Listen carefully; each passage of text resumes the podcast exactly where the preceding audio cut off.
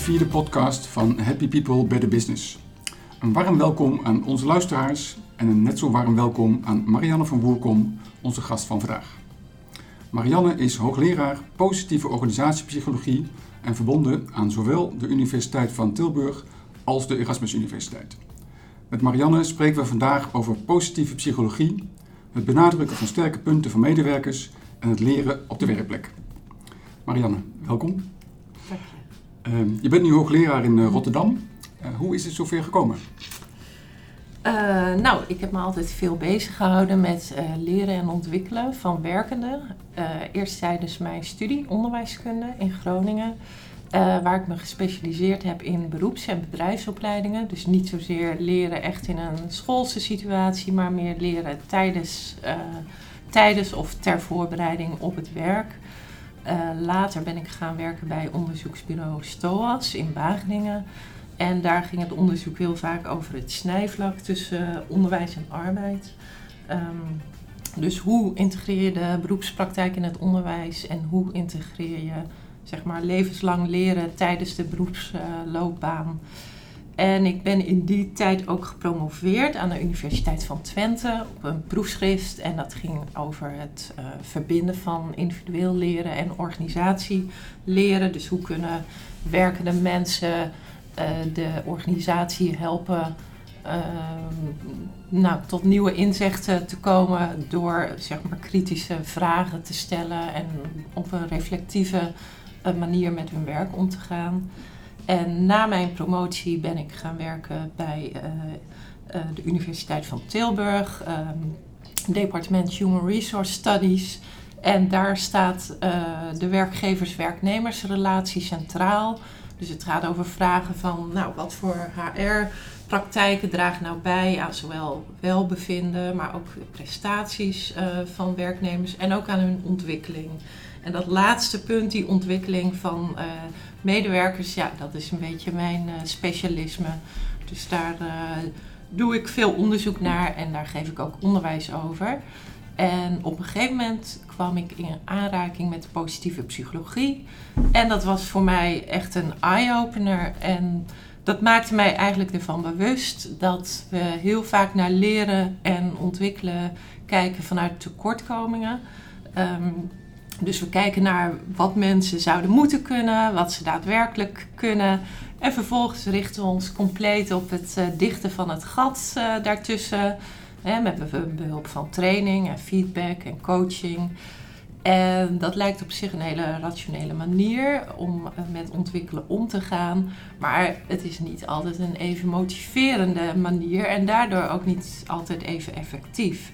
En dat verklaart denk ik ook dat er soms veel weerstand is in organisaties tegen ontwikkelingstrajecten.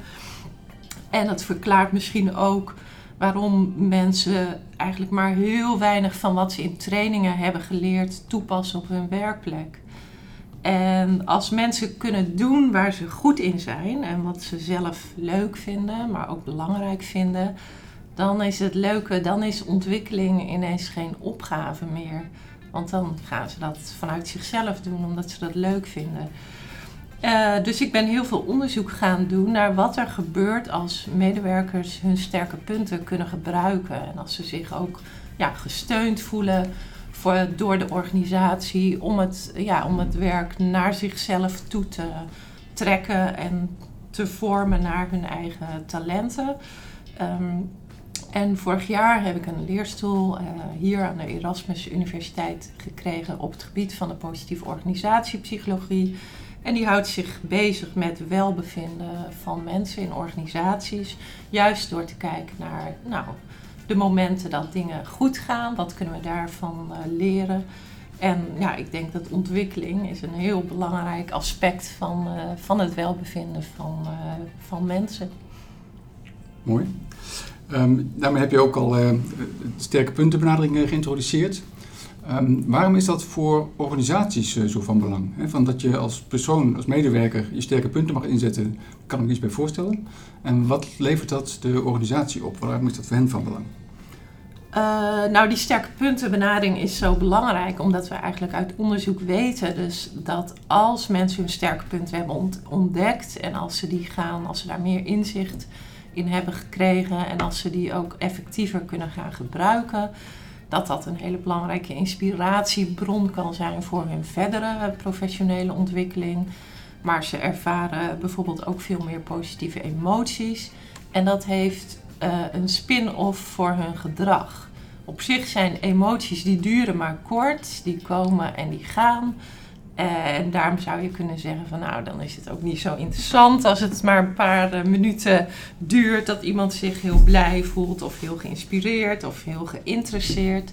Maar het interessante is dat, uh, dat we zien dat die emoties die dus kort duren, dat die wel langer durende consequenties hebben. Uh, dus als mensen zich bijvoorbeeld blij voelen of geïnteresseerd voelen, dan blijkt ook dat ze zich meer open gaan stellen voor anderen. Waardoor ze eigenlijk op de meer lange termijn ook betere relaties gaan opbouwen in de, in de organisatie. Het blijkt ook dat ze echt bijna letterlijk, nee niet bijna, maar echt ook letterlijk hun blikveld gaan verbreden. Waardoor ze ineens meer dingen uh, zien. Um, er is ook heel leuk onderzoek gedaan, bijvoorbeeld bij obers. Uh, en dan obers die in een slechte stemming waren en obers die in een uh, positieve stemming waren. En die laatste obers die zien dus ook veel meer mensen die hun hand opsteken omdat ze iets willen bestellen.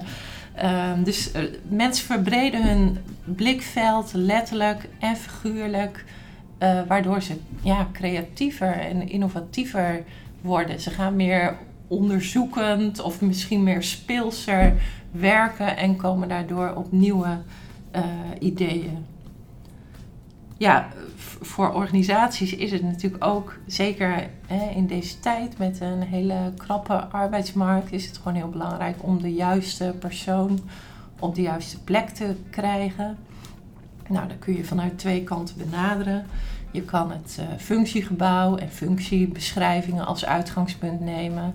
En dan kun je vervolgens mensen aannemen die daar zo goed mogelijk in passen en aan voldoen. En dan kun je dat nog een beetje bijsturen met uh, functionerings- en beoordelingsgesprekken. Uh, maar dan zie je eigenlijk, dan zul je nog zien dat nooit iemand op alle punten in een functiebeschrijving even, het even goed zal uh, doen. En je ziet gewoon individuele verschillen. Hè? Je kan tien softwareontwikkelaars aannemen en die kunnen misschien grosso modo allemaal aan de functiebeschrijving voldoen. Maar het leuke uh, is dat er geen één hetzelfde is en dat al die mensen verschillende kwaliteiten zullen hebben en dus ook uh, gebieden waar ze het misschien wat minder op doen.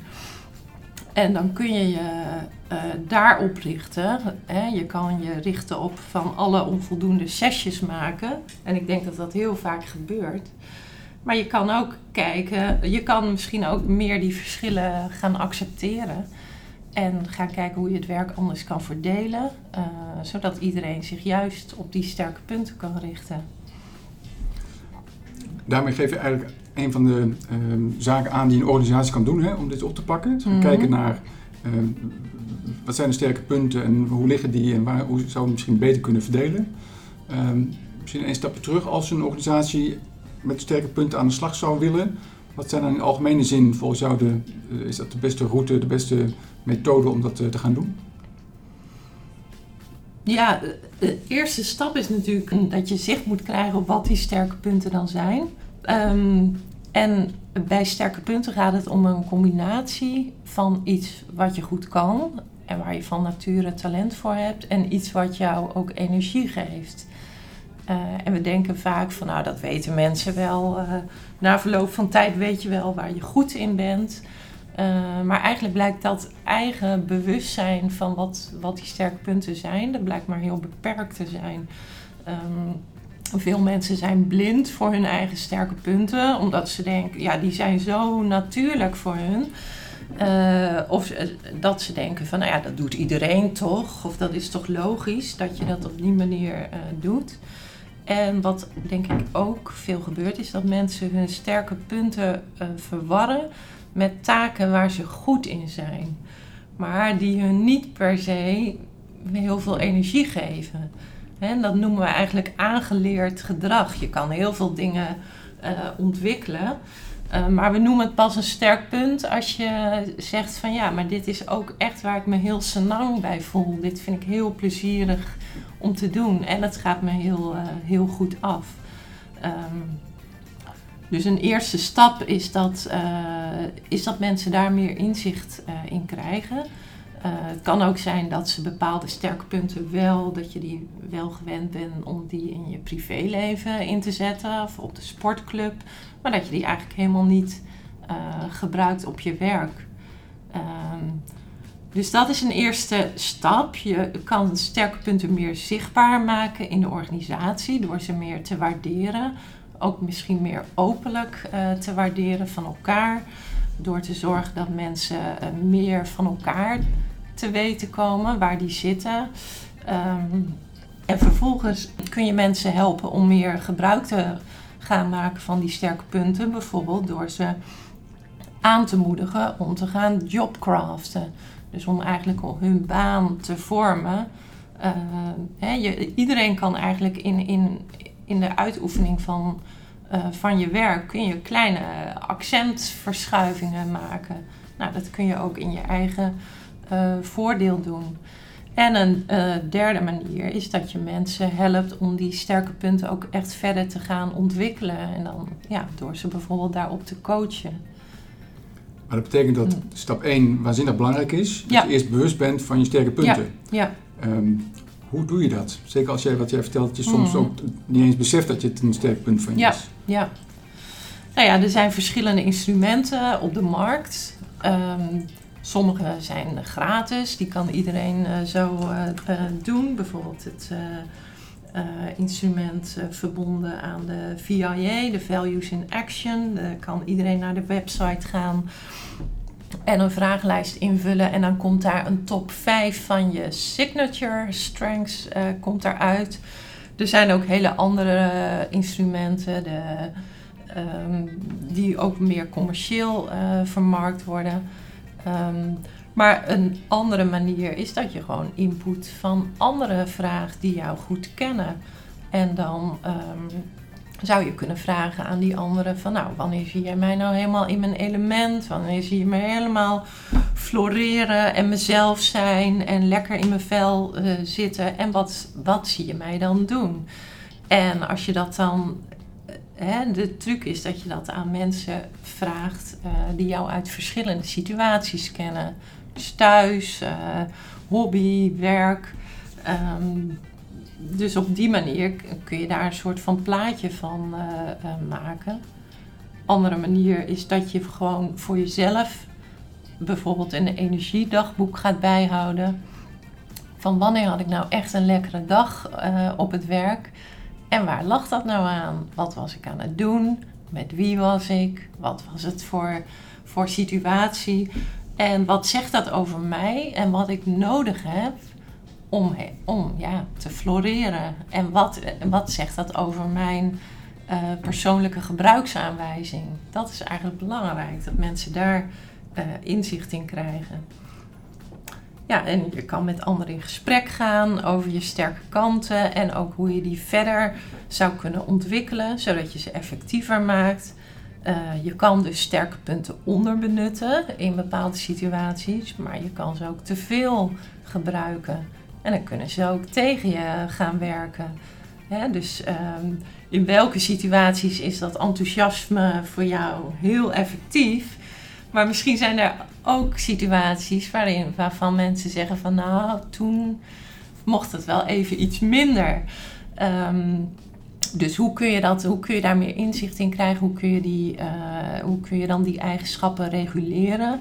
En misschien heb je dan wel andere sterke punten weer nodig om bijvoorbeeld je enthousiasme in toom te houden. Hè, bijvoorbeeld en met empathie uh, zou je je uh, eigen enthousiasme weer wat kunnen temperen en daardoor weer meer ruimte ook voor de ander kunnen, kunnen laten. Zijn uh, sterke punten aangeboren? Uh, kan iedereen alle, alle sterke punten ontwikkelen? Uh, hoe moeten we dat zien? Ja, ik denk dat sterke punten min of meer vaststaan, omdat ze zijn verbonden met stabiele persoonlijkheidstrekken. En die veranderen, die veranderen wel wat, ook met het ouder worden. Uh, zie je dat ook mensen op de Big Five ietsjes gaan, gaan veranderen. Maar ze veranderen niet spectaculair. Um, maar ze zijn, ja, die sterke kanten, ze zijn redelijk stabiel, maar ook niet in steen gegrift. en het is echt wel mogelijk om ze meer, doordat je ze beter leert kennen, uh, dat je ze daardoor ook beter leert fine-tunen op de situatie en dat je er daardoor ook beter gebruik van kan maken. En we zien bijvoorbeeld ook uh, dat juist jonge mensen veel baat hebben uh, bij hulp om hun sterke punten te ontdekken.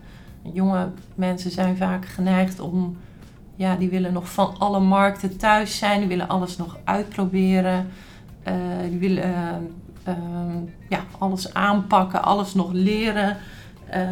En het is denk ik niet voor niks dat heel veel jongeren ja, aangeven dat ze hele hoge werkdruk ervaren en soms ook eh, burn-out-achtige klachten ervaren.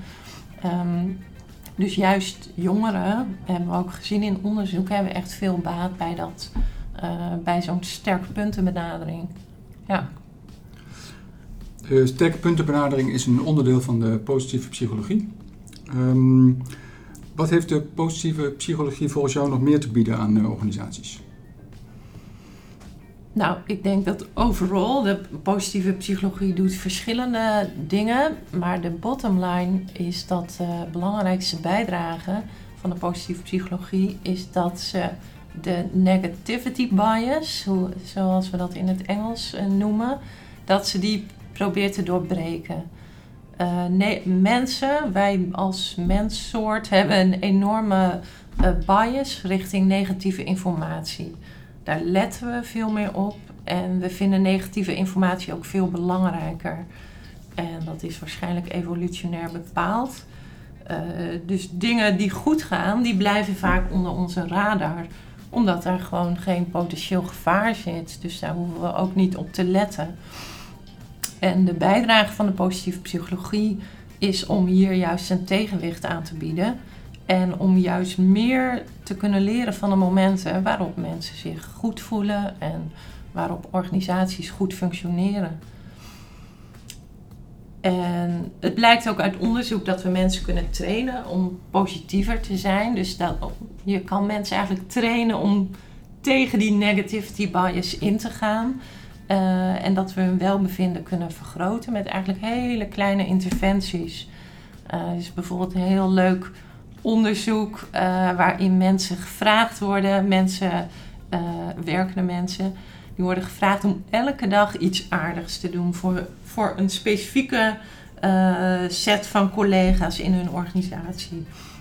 En dat kunnen investeringen in geld zijn. Nou, dan moet je heel klein denken. Het zou een kopje koffie kunnen zijn. Je haalt voor iemand een lekkere uh, kop koffie. Of je stuurt iemand een aardig mailtje. Of je geeft iemand die het moeilijk heeft. Uh, daar maak je een praatje mee. Uh, en wat blijkt is dat die collega's die die aardige daden zeg maar ontvangen. Nou, die, die varen daar wel bij. Die gaan zich beter voelen. Maar juist ook de mensen die die aardige dingen doen, die gaan zich um, uh, beter voelen. Wat bovendien het leuke is, dat, uh, dat die ontvangers van die aardige daden, die gaan dat uit eigen initiatief weer doorgeven naar anderen. Dus die gaan ook zelf weer, weer positieve dingen voor anderen doen. Nou, er zijn ook uh, dankbaarheidsinterventies. Dat is ongeveer hetzelfde principe, alleen dan nou, Probeer je mensen meer na te laten denken over wat, ja, wat iemand voor jou gedaan heeft, waar je dankbaar voor bent. En om dat ook uit te uh, spreken. Dus neem eens de tijd om elke dag iemand te bedanken. En ook daarbij zie je dat, uh, dat, dat zowel ontvangers als gevers, die hebben daar baat bij. En nou ja, met dit soort kleine, het, het lijken hele kleine dingetjes. Uh, maar met dit soort kleine interventies kun je denk ik ook bouwen aan meer positieve organisaties. En kun je uiteindelijk ook ja, uh, meer de cultuur in een organisatie veranderen. Wat dat betreft, even een andere vraag dan tot nu toe. Mm -hmm. wat levert het bedrijf op? de inzichten uit de psychologie. Weet je, heb je daar, is er onderzoek naar gedaan? Weet je wat het bedrijf oplevert als zij dit soort, met dit soort zaken aan de slag gaan? Ja, er zijn, wat bedoel je, in financiële opbrengsten? Of, uh... ja, bijvoorbeeld, ja. Dat zou kunnen, maar misschien ook andere dat, is, dat, minder verloop, minder ziektes ja. ja. van het personeel, dat soort zaken? Ja, er zijn diverse onderzoeken die inderdaad laten zien van nou, mensen worden meer bevlogen. Uh, ik heb zelf ook onderzoek gedaan in de psychiatrie. Uh, daar heb ik dus ook gekeken van nou, hoeveel steun ervaren mensen voor, uh, voor die sterke punten. En ik heb ook gekeken hoe, wat, voor, wat het, dat voor effect had op hoe zij omgaan met werkdruk. En in de psychiatrie is de werkdruk heel hoog. Zowel in kwantitatieve zin, van er is veel werk te doen, maar ook in kwalitatieve zin van het werk wat ze doen is gewoon heel, ja, heel emotioneel uh, belastend. En wat dan blijkt is dat um, mensen die veel steun voor die sterke punten ervaren, die hebben minder last van die werkdruk, maar die verzuimen ook echt nou, flink aantal procentpunten minder uh, in vergelijking tot mensen die die steun niet ervaren. Nou ja, dat kun je bijna één op één kun je dan uitrekenen wat dat, uh, wat dat de organisatie bespaart aan alle invalkrachten die ze, die ze dan niet meer hoeven in te huren. Het mooie is, uh, dat is zowel een voordeel voor de medewerker, want die ervaart minder stress, meer steun, is minder ziek, als voor de organisatie. Ja. Als ik jou dan zo hoor, um, hoe verklaar jij dan dat de organisaties de inzichten uit de positieve, positieve psychologie niet uh, grootschalig omarmen? Ja. ja, dat komt denk ik door diezelfde negativity bias. En ja, ik merk dat ook bij mezelf. Uh, zelfs al hou ik me al uh, flink aantal jaren met die positieve psychologie bezig. als ik even niet oplet, dan neemt aan, mijn aandacht voor negatieve, of het klinkt wat zwaar, maar uh, ja, toch negatieve situaties, dingen die niet goed gaan, problemen die je op moet lossen, uh, dingen waar je aan moet werken. Uh, die aandacht neemt heel snel weer de overhand. Want dat zijn altijd dingen die urgenter lijken. Um, positieve ervaringen krijgen geen prioriteit, want dat hoeft niet nu te worden opgelost omdat er anders iets vreselijk misgaat.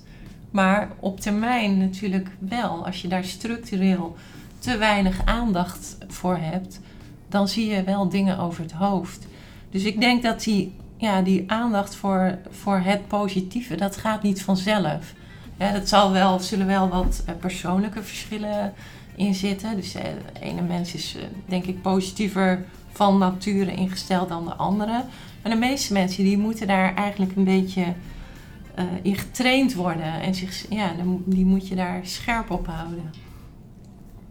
Wat zouden organisaties dan kunnen doen om eigenlijk wat, meer, wat minder uh, in de negativity bias uh, trap te, te, stappen of te vallen?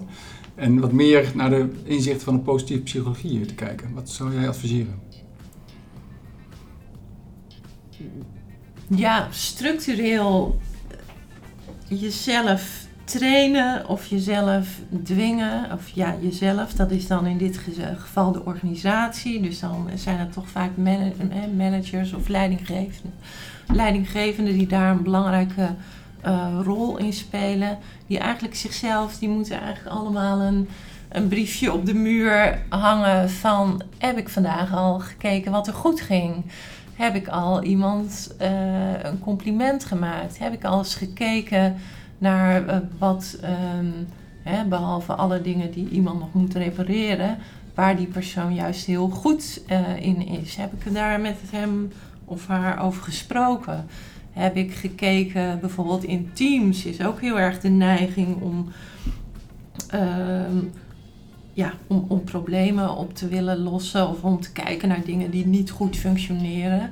Maar heb ik daar wel weer iets tegenover gezet? Heb ik dat tegenwicht geboden aan het negatieve? Heb ik ook gevraagd van... hé, hey, wat zijn nou de momenten dat dit team wel...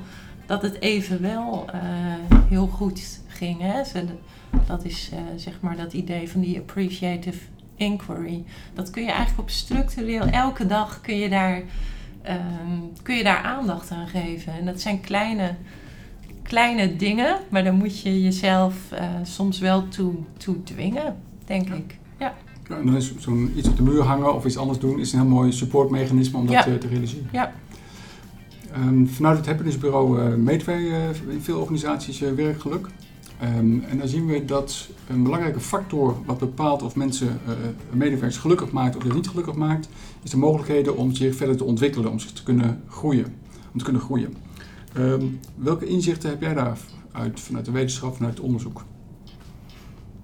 Ja, het lastige bij ontwikkeling, althans het lastige voor organisaties die ontwikkeling willen stimuleren, is dat je mensen niet kan dwingen om zich te ontwikkelen. En uh, er is een uh, Amerikaans gezegde en dat zegt, en dat gaat van you can lead the horse to water, but you cannot make it drink. En dat is vind ik heel um, kenmerkend van, voor leren. Je kan van alles aanbieden. Uh, en je, kan proberen om dat te stimuleren. Maar het leren of dat ontwikkelen, dat ligt bij die persoon. En dan moet die persoon uh, willen. En die persoon moet dat zelf doen. En tegelijkertijd denk ik dat ontwikkeling een heel belangrijk deel, uh, onderdeel is van welbevinden mensen zijn gelukkiger als ze het idee hebben dat ze hun, ja, hun eigen potentieel kunnen realiseren. Als ze het gevoel hebben dat ze als mens uh, kunnen groeien. Ja, en het leuke is dat als inderdaad mensen dan meer zicht krijgen op die sterke punten uh, van zichzelf, dat dat, dat hun inspiratie biedt voor hun ontwikkeling. Dan gaan mensen meer uit zichzelf meer doelen stellen wat kan ik daarmee? Ze gaan plannen maken. Ze gaan uh, hulp vragen bij anderen om die plannen uit te voeren. Um, en dat zagen we ook, dat hebben we ook onderzocht. Uh, we hebben een onderzoek gedaan waarbij we de helft van onze deelnemers hebben gevraagd om een persoonlijk ontwikkelplan te maken. En om daar zoveel mogelijk, daar moesten ze aan gaan werken. Dus uh, daar moesten ze mee aan de slag. En de andere helft, die hielpen we alleen maar bij het ontdekken van hun sterke punten. En we moedigden hun aan om in de weken na de workshop om die sterke punten op nieuwe manieren te gaan gebruiken. En nou, vervolgens gingen we weer een aantal weken daarna meten. En nou, op zich beide groepen werden actiever in hun eigen ontwikkeling. Maar bij die laatste groep, die sterke puntengroep, was dat nog veel meer. Uh, dus het, ja, het leuke is dat je mensen niet eens hoeft te vragen om aan hun eigen ontwikkeling uh, te werken. Je hoeft ze eigenlijk alleen maar in contact te brengen met wat, ze, wat hun echt drijft en wat, ze, uh, en wat ze graag doen. Nou, dat zou je ook in organisaties denk ik veel meer kunnen doen. Dus ja, bijvoorbeeld door uh, mensen ter voorbereiding op hun functioneringsgesprek te vragen. Hè, eh, een gesprek waarin je het graag over ontwikkeling wil hebben. Misschien moet je niet zo direct op je doel af en vragen van wat heb jij allemaal al gedaan om aan je eigen ontwikkeling te werken. Maar misschien moet je ze gewoon vragen van goh, haal eens in jouw omgeving op wat mensen als jouw sterke punten zien en en, en, reflecteer daar eens op. En misschien komt er dan vanzelf al een heel plan uh, voor wat mensen daar zelf mee willen. Jij bent uh, hoogleraar uh, positieve organisatiepsychologie. Mm-hmm. Welke uitdagingen zie jij voor de positieve psychologie, positieve organisatiepsychologie voor de komende jaren? Um, nou, ik denk één belangrijke uitdaging is dat de positieve psychologie ook echt ten goede gaat komen aan uh, mensen die nu eigenlijk niet meedoen op de arbeidsmarkt. Uh, omdat ze anders zijn, omdat ze net even afwijkend zijn, niet precies in die functiebeschrijving uh, passen. Ja, en we hebben volgens mij de ambitie om een inclusieve samenleving te zijn waarin iedereen mee kan doen. En ik denk dat juist de positieve psychologie die aandacht heeft, die niet zozeer kijkt van oké, dus wat kan je allemaal niet, maar die vooral op zoek gaat uh, om te ontdekken van wat kan deze persoon wel en wat kan die onze organisatie wel uh, brengen. Um, dus ik hoop echt dat de positieve psychologie voor, voor die mensen wat kan betekenen. Dat lijkt mij een fantastische conclusie voor deze podcast. Marianne, erg bedankt voor het interview. Graag gedaan.